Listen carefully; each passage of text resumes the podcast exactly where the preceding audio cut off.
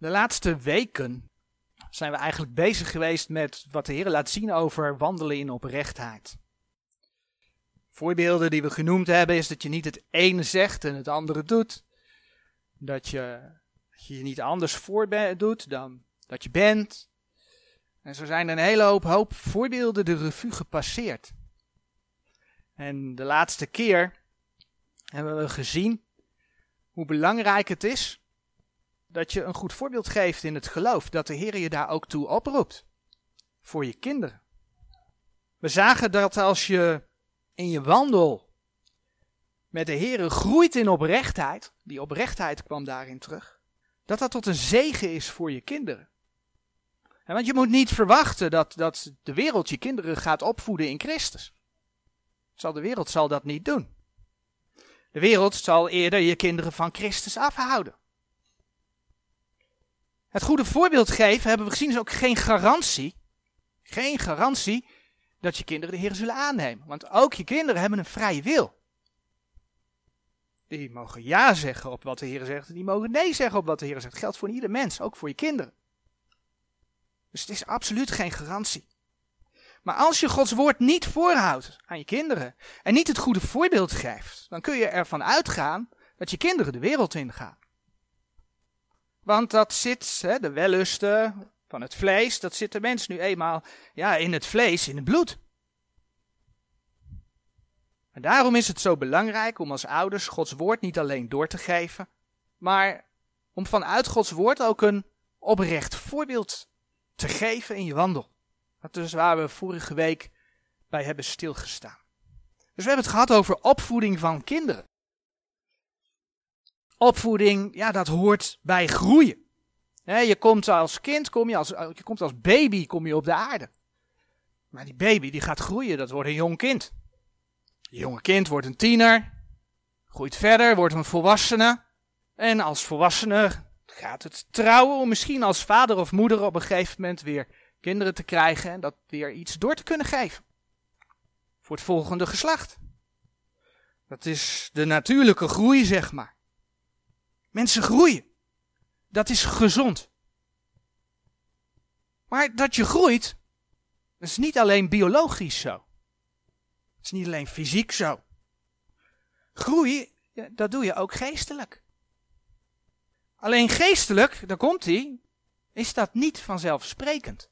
Ik bedoel, als iemand een baby krijgt, daarvan weet je, als het na een jaar terugkomt, dan huilt het niet meer alleen en, en, en, en drinkt het geen flesje melk meer alleen. Maar daar zit groei in. Dat, dat, dat is een natuurlijk verloop. Bij geestelijke groei is dat allemaal niet zo vanzelfsprekend. De Heer laat zien, en dat gaan we straks ook zien, dat je dus als een geestelijke baby op de wereld komt. Maar het is niet gezond als je altijd een geestelijke baby blijft. En toch zie je dat wel heel veel. Er zijn mensen die zijn 20, 30, 40 jaar christen. Maar die zijn nooit gegroeid in hun geloof. Nog steeds baby. Nog steeds bezig ja, je moet altijd bezig met zijn met ook de melk. Dat is heel belangrijk. Maar alleen maar bezig met de melk, omdat ze niet verder komen. Gaan we straks teksten over lezen. Ze groeien niet, het is niet gezond. En daarom wil de Heer dat je groeit in je geloof. Nou, in 2 Thessalonicense 1 vers 3 komen we daar al een hele mooie tekst over tegen. 2 Thessalonicense 1 vers 3. En ja, we gaan weer een aantal teksten opzoeken. 2 Thessalonicense 1 vers 3.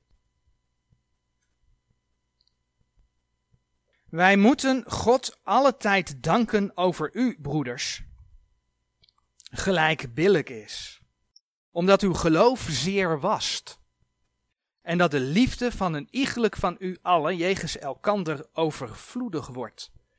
Wast, dat betekent groeit, toeneemt.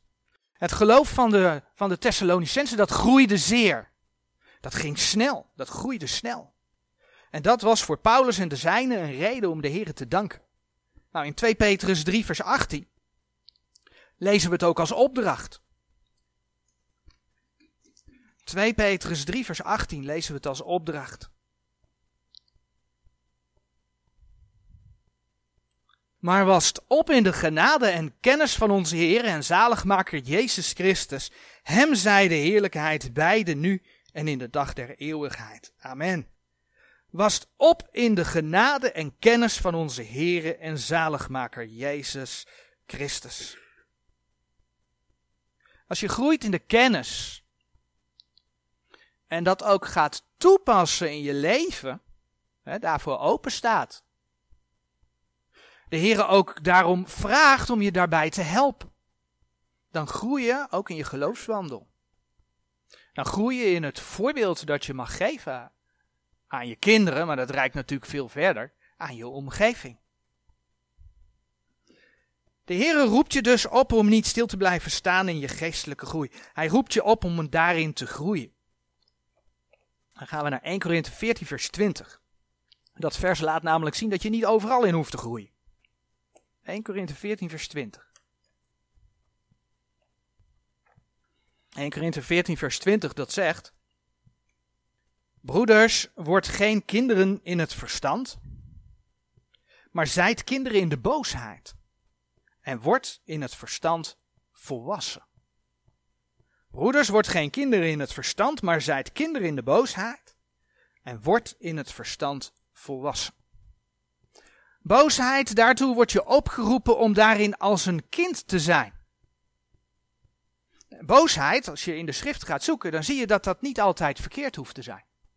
Boosheid denken we vaak meteen, dat is de zonde. Maar in, in Efeze 4, vers 26, daar zegt de Heer bijvoorbeeld: Word toornig en zondig niet. Dus blijkbaar is er een vorm van boosheid zonder te zondigen. En laten we wel zijn, Gods toren gaat over de aarde komen. God is niet zondig. Word toornig en zondig niet. Efeze 4, vers 26. Maar als je je in boosheid ontwikkelt, het laat groeien, dan is dat niet goed. Dan ga je namelijk wel zondigen. Wat gaat er dan gebeuren? Dan krijg je te maken met, in Efeze 5 vers 19 tot en met 21 spreken daarover, de werken van het vlees. Dan krijg je te maken met vijandschappen, twisten, afgunstigheden, toren, gekijf, tweedracht, nijd. Dat is als je boosheid gaat voeden. En er verkeerd mee omgaat. En ja, dan heb je het over de werken des vleeses. En Colossense 3 vers 8 zegt dat ook heel, heel letterlijk. Dat moet je afleggen. De Heere vraagt van, van, van, van zijn kinderen om dat af te leggen. Dat is Colossense 3 vers 8. Dus blijf daar een kind in. Niet in uh, vijandschappen, twisten, afgunstigheden, toorn, gekijf, tweedracht en nijd. Nee, dat moet je afleggen, maar blijf een kind in de boosheid. Een kind kan boos zijn op een vriendje of vriendinnetje omdat er ja, iets gebeurd is. Maar het mooie is, als je ziet dat het dan goed gemaakt is, dan is het vaak ook gewoon goed. Eigenlijk vergeven en vergeten. Terwijl als je bij volwassenen komt, die hebben vaak de neiging om er van alles bij te halen. Ja, en als het dan al uitgesproken wordt, dan blijft het vaak toch nazeuren. Volwassenen vinden het wat lastiger om te vergeten. Dus blijf daar inderdaad maar een kind in. Maar als het om geloof gaat, als het om, zoals dit vers zegt, verstand gaat, hè, 1 Korinthe 14 vers 20, word daar volwassen in. Maar weet je in welke context dit vers staat?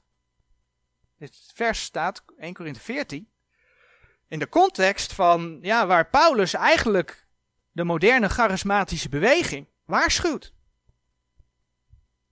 Dat ze de gaven verkeerd gebruiken. Ga jij maar eens met een charismaticus zeggen dat de tongentaal die er vandaag gepraktiseerd wordt niet uit de Heer is. Dan wordt hij boos. Ik heb het verschillende keren gemerkt. En dan hoef je nog niet eens ver in een discussie te zijn. Maar eh, dat, dat, dat willen ze niet horen.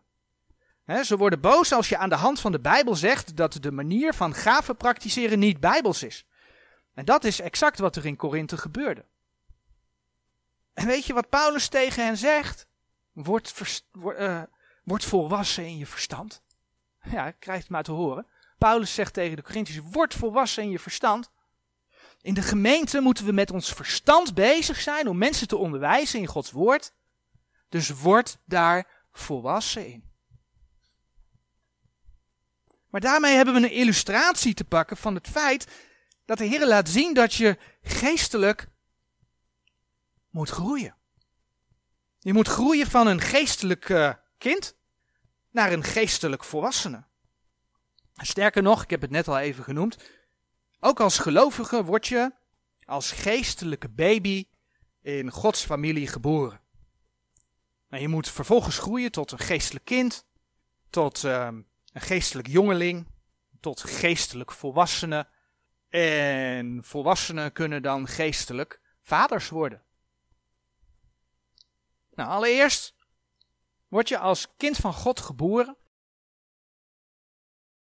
En een tekst waar we dat kunnen vinden is 1 Petrus 2 vers 2. 1 Petrus 2 vers 2.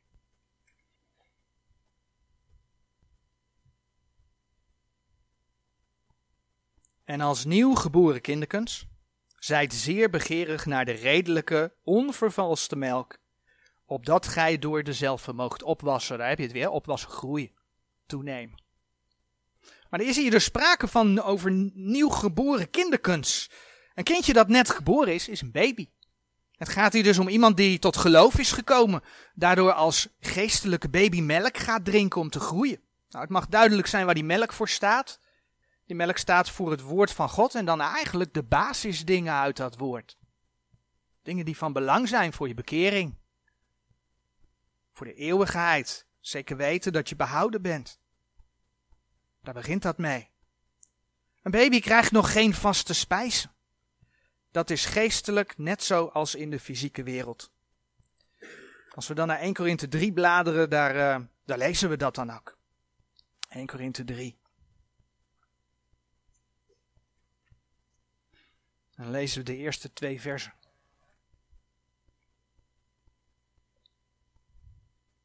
...1 Korinthe 3 vanaf vers 1. En ik, broeders, kon tot u niet spreken als tot geestelijke, maar als tot vleeselijke, als tot jonge kinderen in Christus. Ik heb u met melk gevoed en niet met vaste spijzen, want gij vermocht toen nog niet. Ja, gij vermoogt ook nu nog niet. De Corinthiërs waren klaarblijkelijk nog niet gegroeid, terwijl dit vers laat zien dat er wel, wel tijd voorbij gegaan is. Toen nog niet, maar ook nu nog niet. Ze waren nog niet gegroeid. Ze waren in ieder geval nog niet toe aan de vaste spijzen. Maar wanneer begint die groei dan? Hè? Wanneer, wanneer ga je nou als kind van God groeien? Komt als babytje, wanneer begint die groei?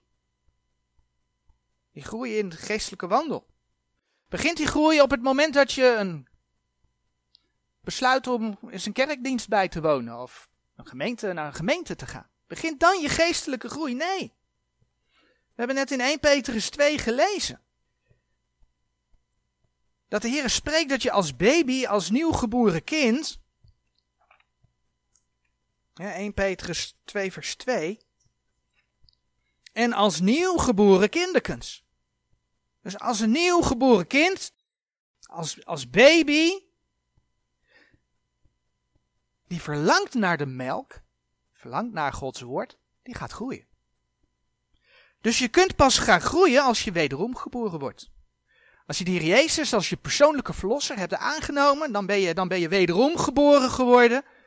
Dan ben je nieuw. Denk aan Nicodemus, hebben we onlangs bij stilgestaan. Nicodemus die, ja, als volwassen man, als fariseer, als overste der Joden, dagelijks bezig was met, met Gods woorden. En toch moest de Heer Jezus tegen hem zeggen in Johannes 3 vers 7, verwonder u niet dat ik u gezegd heb, gij lieden moet wederom geboren worden. Dat is Johannes 3, vers 7. Zegt hij tegen een volwassen man. Fysiek gezien.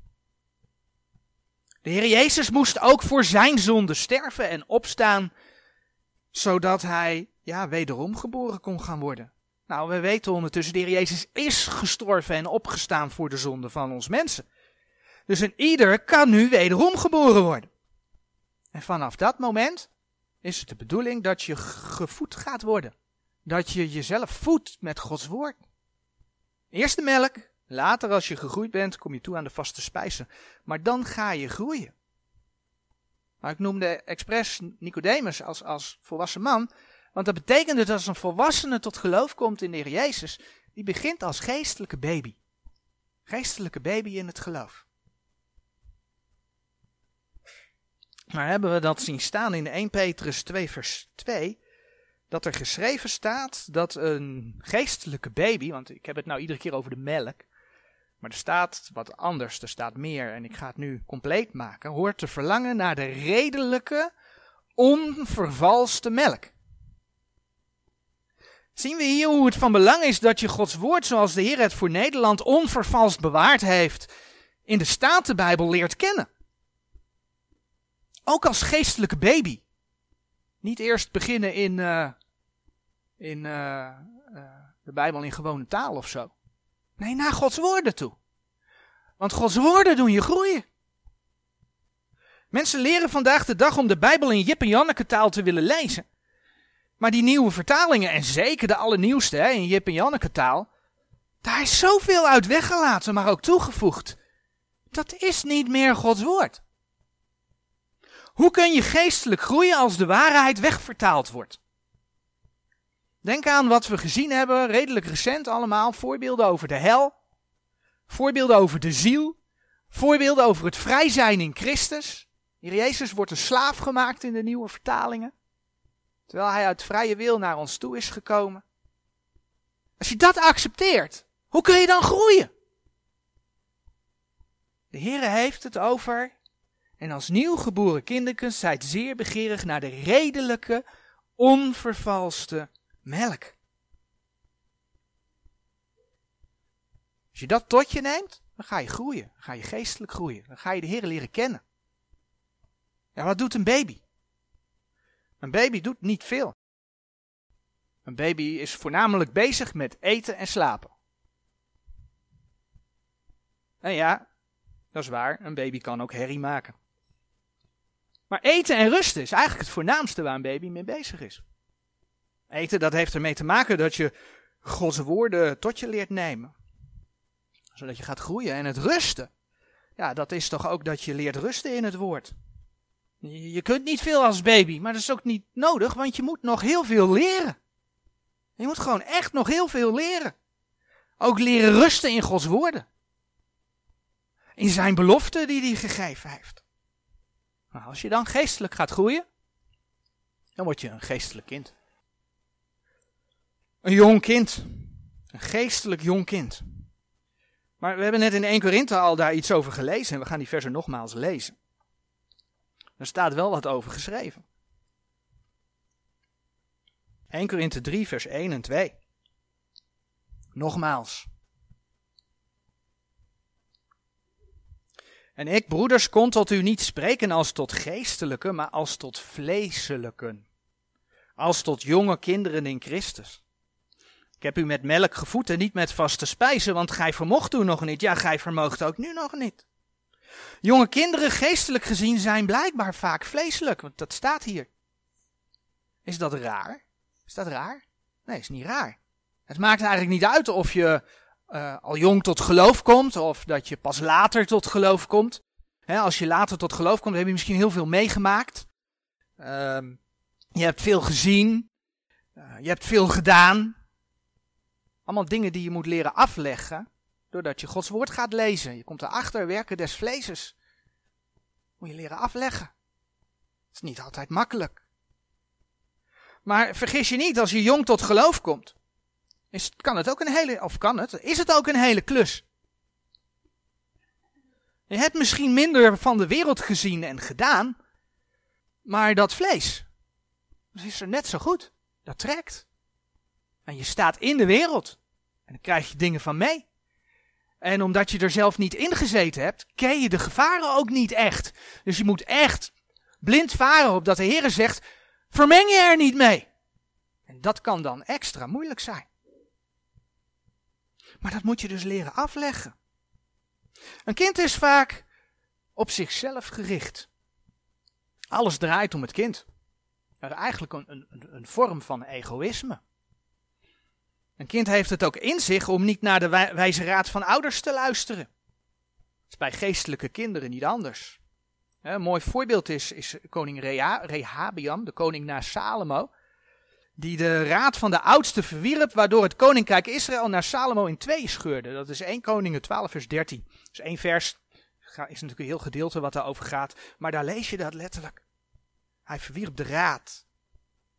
Kinderen die kunnen nog wel eens boos zijn, zo niet driftig worden, als de ouders iets zeggen wat ze niet aanstaat. Stampen met de voeten, tot uh, slaan met de deuren, noem het maar op. En ja, met geestelijke kinderen is dat niet anders. Hè? We hebben net 1 Korinthe 3, vers uh, eh, 1 en 2 gelezen, waar Paulus uh, de Corinthiërs als jonge kinderen aansprak, omdat ze vleeselijk waren.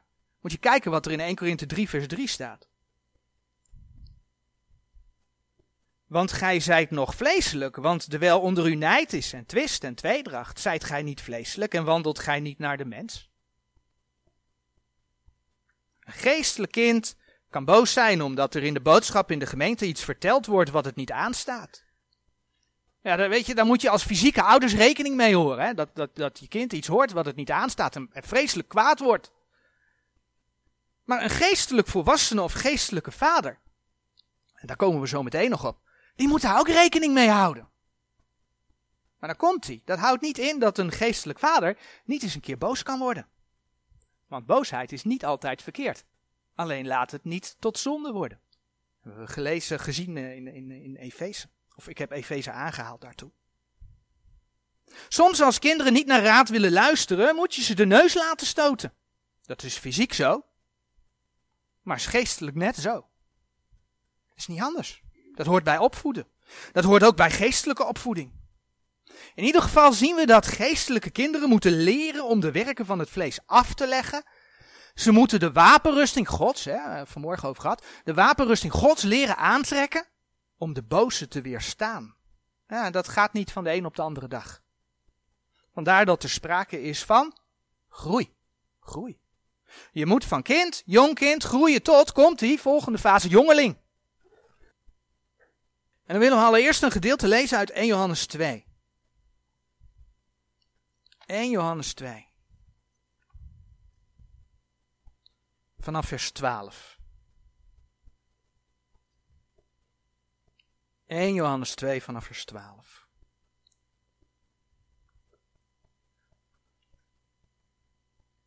Ik schrijf u kinderkens, want de zonden zijn u vergeven om zijns naams wil.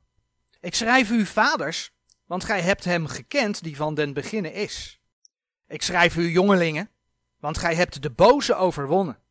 Ik schrijf u kinderen, want gij hebt de Vader gekend. Ik heb u geschreven, vaders, want gij hebt hem gekend die van den beginnen is. Ik heb u geschreven, jongelingen, want gij zijt sterk, en het woord Gods blijft in u, en gij hebt de boze overwonnen. En ik noem het vast, de versen hierna gaan over heb de wereld niet lief. Dus zowel kinderen als jongelingen als vaders moeten de wereld niet lief te hebben. Die noem ik alvast even. Maar dit gedeelte spreekt dus over uh, kinderen, jongelingen en vaders die de Heer kennen. Dus dat zou geschreven kunnen zijn aan een groep gelovigen die de Heer kennen. Maar ik heb naar andere gedeeltes gekeken die over huwelijk gaan, die over gemeente gaan. En wat zie je in die gedeeltes gebeuren? Daar zie je eigenlijk dat God zich zowel richt tot de vrouw als de man. Vaak ook nog in die volgorde, behalve als het dan om ouderlingen gaat. Omdat God eigenlijk aan een ieder laat zien wat zijn of haar plaats of rol is. Nou, teksten die daarover gaan. Efeze 5 vers 22 tot en met 6 vers 9 komen ook kinderen aan bod. 1 Timotheus 2 vers 9 tot en met 3 vers 13. 1 Timotheus 5 vers 1 tot en met 16. Titus 2 vers 1 tot en met 10 en 1 Petrus 3 vers 1 tot en met 7. Allemaal gedeeltes waar je dat in terugvindt. Daarom geloof ik dat dit gedeelte in 1 Johannes 2 over geestelijke kinderen in het geloof gaat. Dat het gaat over geestelijke jongelingen in het geloof. Dat het gaat over geestelijke vaders in het geloof. En zoals we eerder hebben gezien, een hele tijd terug overigens, zijn we uiteindelijk geestelijk gezien allemaal zonen Gods. Of broederen van Christus, Romeinen 8 vers 29. En in dat licht vind ik het dus niet vreemd dat de Bijbel hier spreekt over kinderen, jongelingen en vaders. We zien in dit gedeelte dus de kinderkunst, de geestelijke kleine kinderen terugkomen.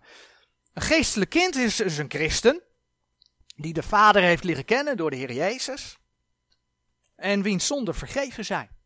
Dat zijn, we hebben we gelezen in 1 Johannes 2 vers 12 en tot en met 13. Maar zoals we gezien hebben, moet een kind nog leren leven naar Gods woord. En daarom lezen we van de geestelijke jongeling dat hij sterk is en de boze heeft overwonnen. Dat staat in 1 Johannes 2, vers 13 en 14. De geestelijke jongeling heeft dus geleerd, wat dat kind nog had, hè, dat vleeselijke, om dat af te leggen. Om de werken des vleeses af te leggen. En heeft geleerd om de wapenrusting Gods aan te doen. Oftewel, de jongeling is sterk gegroeid en heeft leren staan op basis van Gods woord. Maar dan komt hij, de jongeling woont nog wel thuis en hoort zijn ouders te gehoorzamen. Want dat is wat de Heer vraagt. Uh, Efeze 6, vers 1 tot en met 4 is, is, daar heel duidelijk in. Maar dat is fysiek zo. Hè, want Efeze 6, vers 1 is gewoon fysiek. Kinderen ten opzichte van hun ouders. Maar is geestelijk net zo. Paulus was een geestelijk vader van meerdere mensen. Bladeren we naar 1 Korinthe 4. Paulus was een geestelijk vader. Mensen die door de prediking van het woord tot geloof waren gekomen. En Paulus doet tegenover de Corinthiërs de volgende uitspraak in 1 Korinthe 4, vers 14 en 15.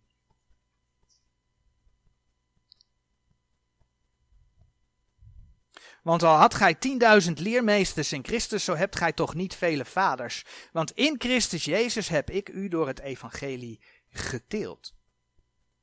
Ben ik vers 14 uh, eh, heb ik overgeslagen, lees ik er nog even bij. Ik schrijf deze dingen niet om u te beschamen, maar als mijn lieve kinderen vermaan ik u.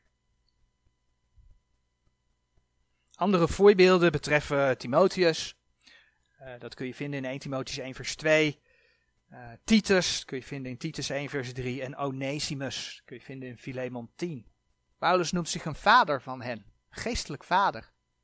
En waarom schreef Paulus de brieven? Nou, dat hebben we net ook gelezen, om de kinderen te leren en te vermanen. Daarom schreef hij die brieven. Ter lering en vermaning.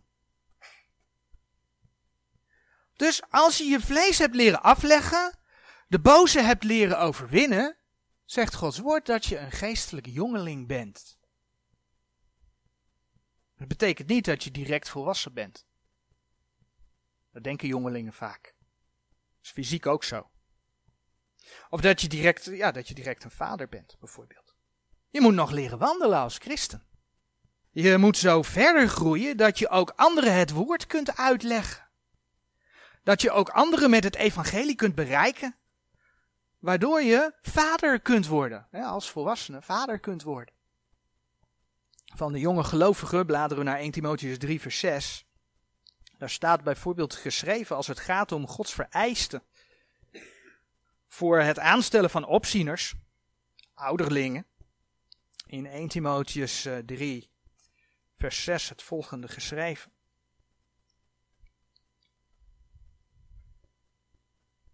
Dat het geen nieuweling moet zijn. Geen nieuweling opdat hij niet opgeblazen worden en in het oordeel des duivels vallen. Als je als geestelijk kind, als geestelijk jongeling, direct ouderling wordt, dan loop je het risico dat je hoogmoedig gaat worden, dat je trots wordt. Het staat hier geschreven. En daar waarschuwt de Heer tegen. Als jongeling wil je vaak heel veel, misschien wel te veel. In Titus 2, vers 6, daar lezen we.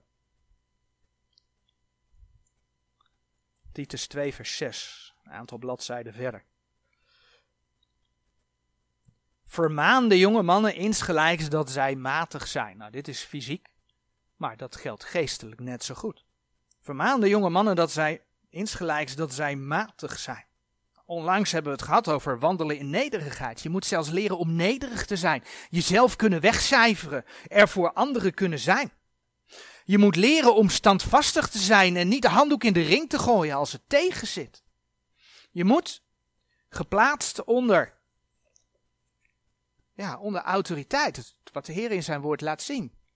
Of dat nu het gezin is, want dan geeft God ook een ordening. Of de gemeente is, dan geeft God ook een ordening. Eerst leren om je plekje te vinden, gehoorzaam te zijn, stabiel te worden.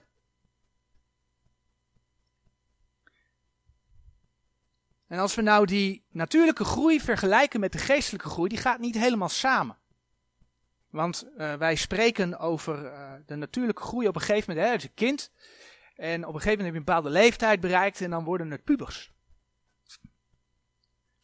En uh, zo zijn er ook mensen die dan zeggen, ja maar ik ben nog aan het groeien, ik zit in die geestelijke groei en ik ben een geestelijke puber. Maar weet je, in Gods woord kom je wel het stadium, en daar hebben we het over, geestelijk jongeling tegen. Maar geestelijk puber kom je niet tegen. Ik ben van mening dat puberteit, niet schrikken, ik ben van mening dat puberteit een, een uitvinding van de mens is. En dan bedoel ik niet, let op, dan bedoel ik niet de veranderingen uh, die uh, in een bepaalde periode hè, in je leven, die in je lichaam plaatsvinden. Daar heb ik het niet over. Ik heb het niet over dat er bepaalde processen in je lichaam anders gaan worden. Ja, dat is zo. Maar wat ik wel bedoel is het woordje puberteit. Dat is de mens puberteit gaan noemen. Als jongeren dingen gaan doen die voortkomen uit hun wellusten, komen we weer op die brede en die smalle weg, de wellusten, de wellusten van het vlees, wat de mens in het vlees zit. Als jongeren dat gaan doen tegen de wil van de ouders, tegen de wil van de heren, dan zegt men tegenwoordig, ach, die is in de puberteit. Laat maar, oh, laat maar, komt wel goed. Maar ik geloof dat het woordje puberteit op die manier gebruikt wordt om de zonde goed te praten.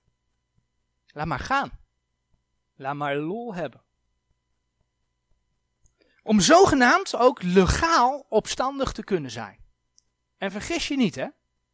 De jongeren worden vandaag de dag geïndoctrineerd op school. Ja, hoe wil je ze opstandig krijgen? Worden allemaal gekweekt in deze maatschappij. Mensen van, heb ik al eerder genoemd, Christus af te houden. Dat is wat er gebeurt. Legaal opstandig, zogenaamd legaal, hè? Opstandig zijn. En geestelijk gezien kan dat niet. Want de Heere vraagt van kinderen, gewoon fysieke kinderen, om gehoorzaam te zijn aan hun ouders. Efeze 6, vers 1 tot en met 4. Als je geestelijk kind bent, leer je vanuit Gods woord je vlees af te leggen. Dat hebben we net gezien. Je leert uh, de wapenrusting Gods aan te doen om geestelijke overwinningen te behalen op de boze. Maar bij dat stukje groeien hoort net als bij de fysieke ouders een stukje gehoorzaamheid aan, aan geestelijk volwassenen, geestelijk vaders. En je ziet dat ook binnen wat de Heer aan ordening in de gemeente geeft. Hebreeën 13, vers 17. Daar hebben we, toen we bij de gemeente stilstonden, het ook over gehad. De ordening binnen de gemeente. Dus dat zou je nog na kunnen lezen als je dat wil.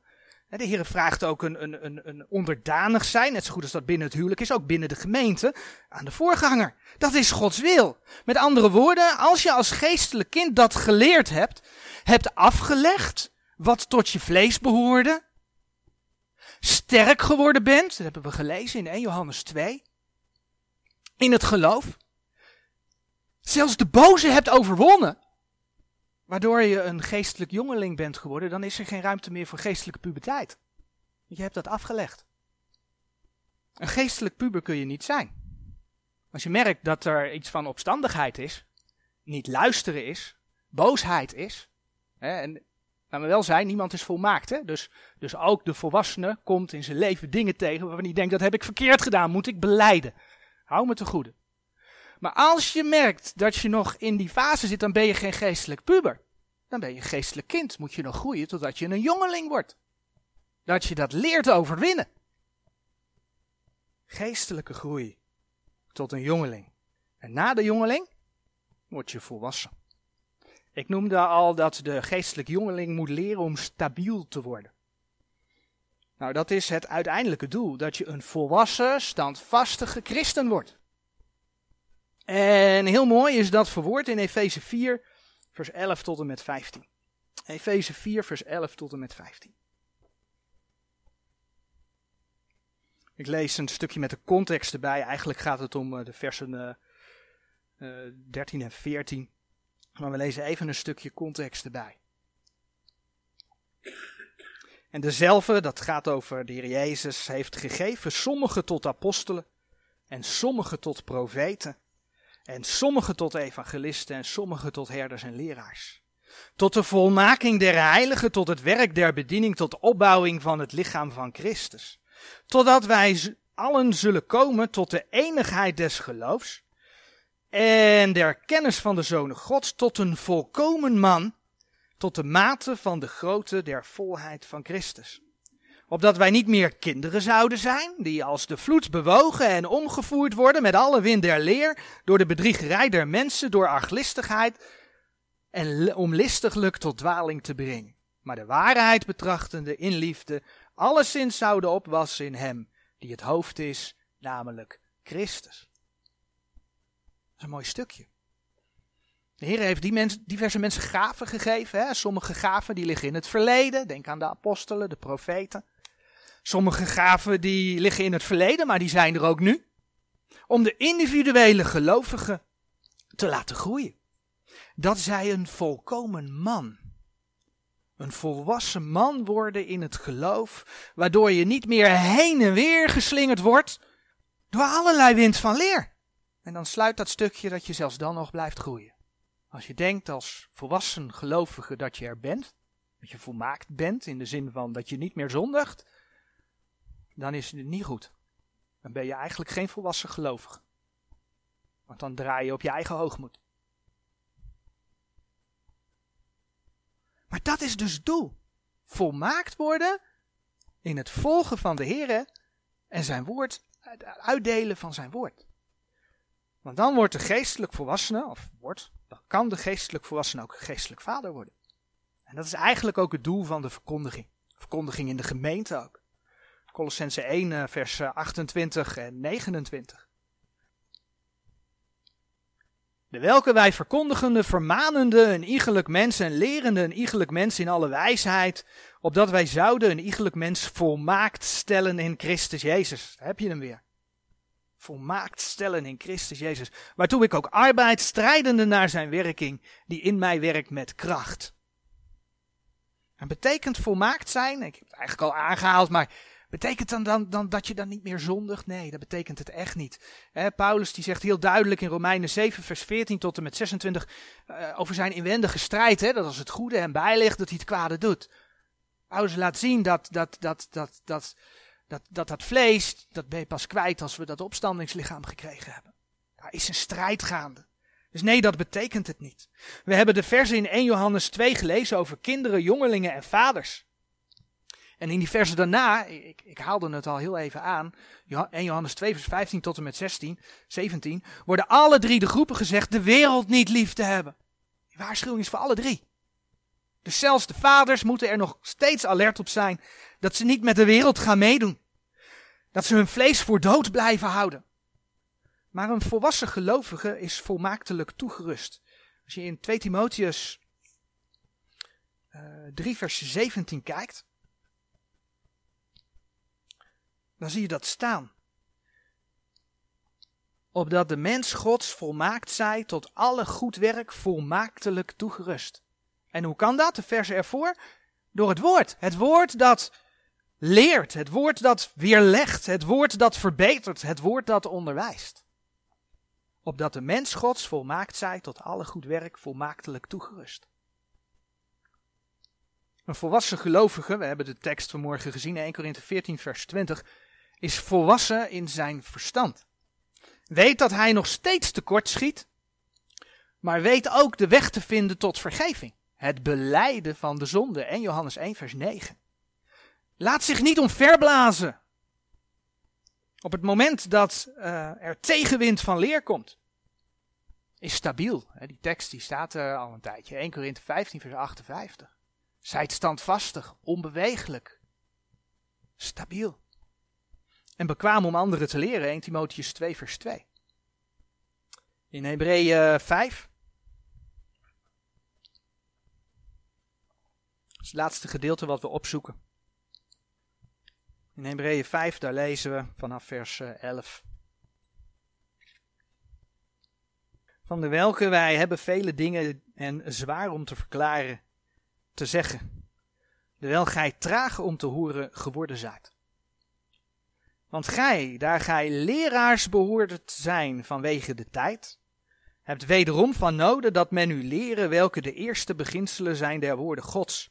En gij zijt geworden als die melk van noden hebben en niet vaste spijzen. Want een iegelijk die der melk deelachtig is, die is onervaren in het woord der gerechtigheid, want hij is een kind. Maar de volmaakte is de vaste spijze, die door de gewoonheid de zinnen geoefend hebben tot onderscheiding beide des goeds en des kwaads. Ja, en dat leren is echt niet alleen maar voor de voorganger hoor. Kun je als geestelijk kind, als geestelijk jongeling en als geestelijk volwassene, kun je de wereld over de Here vertellen? Vertellen waarom je gelooft? Kun je als geestelijk jongeling, een geestelijk kind, iets vertellen over de melk in Gods woord? Over wat bekering inhoudt? Noem maar wat. Of, ik, ik noem het kind, de geestelijke baby. Kun je die wat uitleggen over het geloof? Ben je daartoe in staat? Kun je als geestelijk volwassene het geestelijke kind of de geestelijk baby iets vertellen over de melk in Gods woord? Kun je als geestelijk volwassene, de geestelijk jongeling, iets vertellen over de melk, maar ook de vaste spijzen in Gods woord? Kun je dat? Oftewel, groei je daarin? Want dat is wat de Heer vraagt. Dat is wat de Heer wil. Niet bij de melk blijven hangen, maar groei. Zodat anderen het woord horen, zodat anderen het woord begrijpen en zodat ook zij weer geestelijk kunnen gaan groeien. Kortom, de Heer wil graag dat je groeit naar geestelijke volwassenheid. Nu is het helemaal niet erg als je een baby in het geloof bent. Even zo goed is het niet erg als je een kind in het geloof bent. Het is niet erg als je een jongeling in het geloof bent. En het is ook niet erg als je een volwassene of een vader in het geloof bent. Je kent de Heer. Je bent behouden. Je ziel is veilig. Maar de vraag is, groei je in het geloof? Blijf je niet je hele leven een geestelijke baby of een geestelijk kind? Nee, ik wil het niet. Vlees. En dat groeien begint allemaal bij het feit dat je met Gods woord bezig bent. Met de redelijke, onvervalste melk. Eerst de melk, dan de vaste spijzen. En groeien in het geloof, en daar komt hij. Een heel ander onderwerp, maar ik noem hem wel even. Groeien in het geloof, zodat je in de eeuwigheid ook door de Heer beloond zult worden. Want als je in je vlees blijft hangen, dan bouw je niet op het fundament van Jezus Christus. Ben je niet met bouwen aan de gemeente bezig. Terwijl als je dat aflegt en de Heer vraagt om je te leiden, het overwint, dan spreekt de Heer over diverse kronen die je als beloning krijgt. Je zult meeregeren in zijn koninkrijk. Dus daar heeft dat wel degelijk mee te maken. Tot zover. Amen.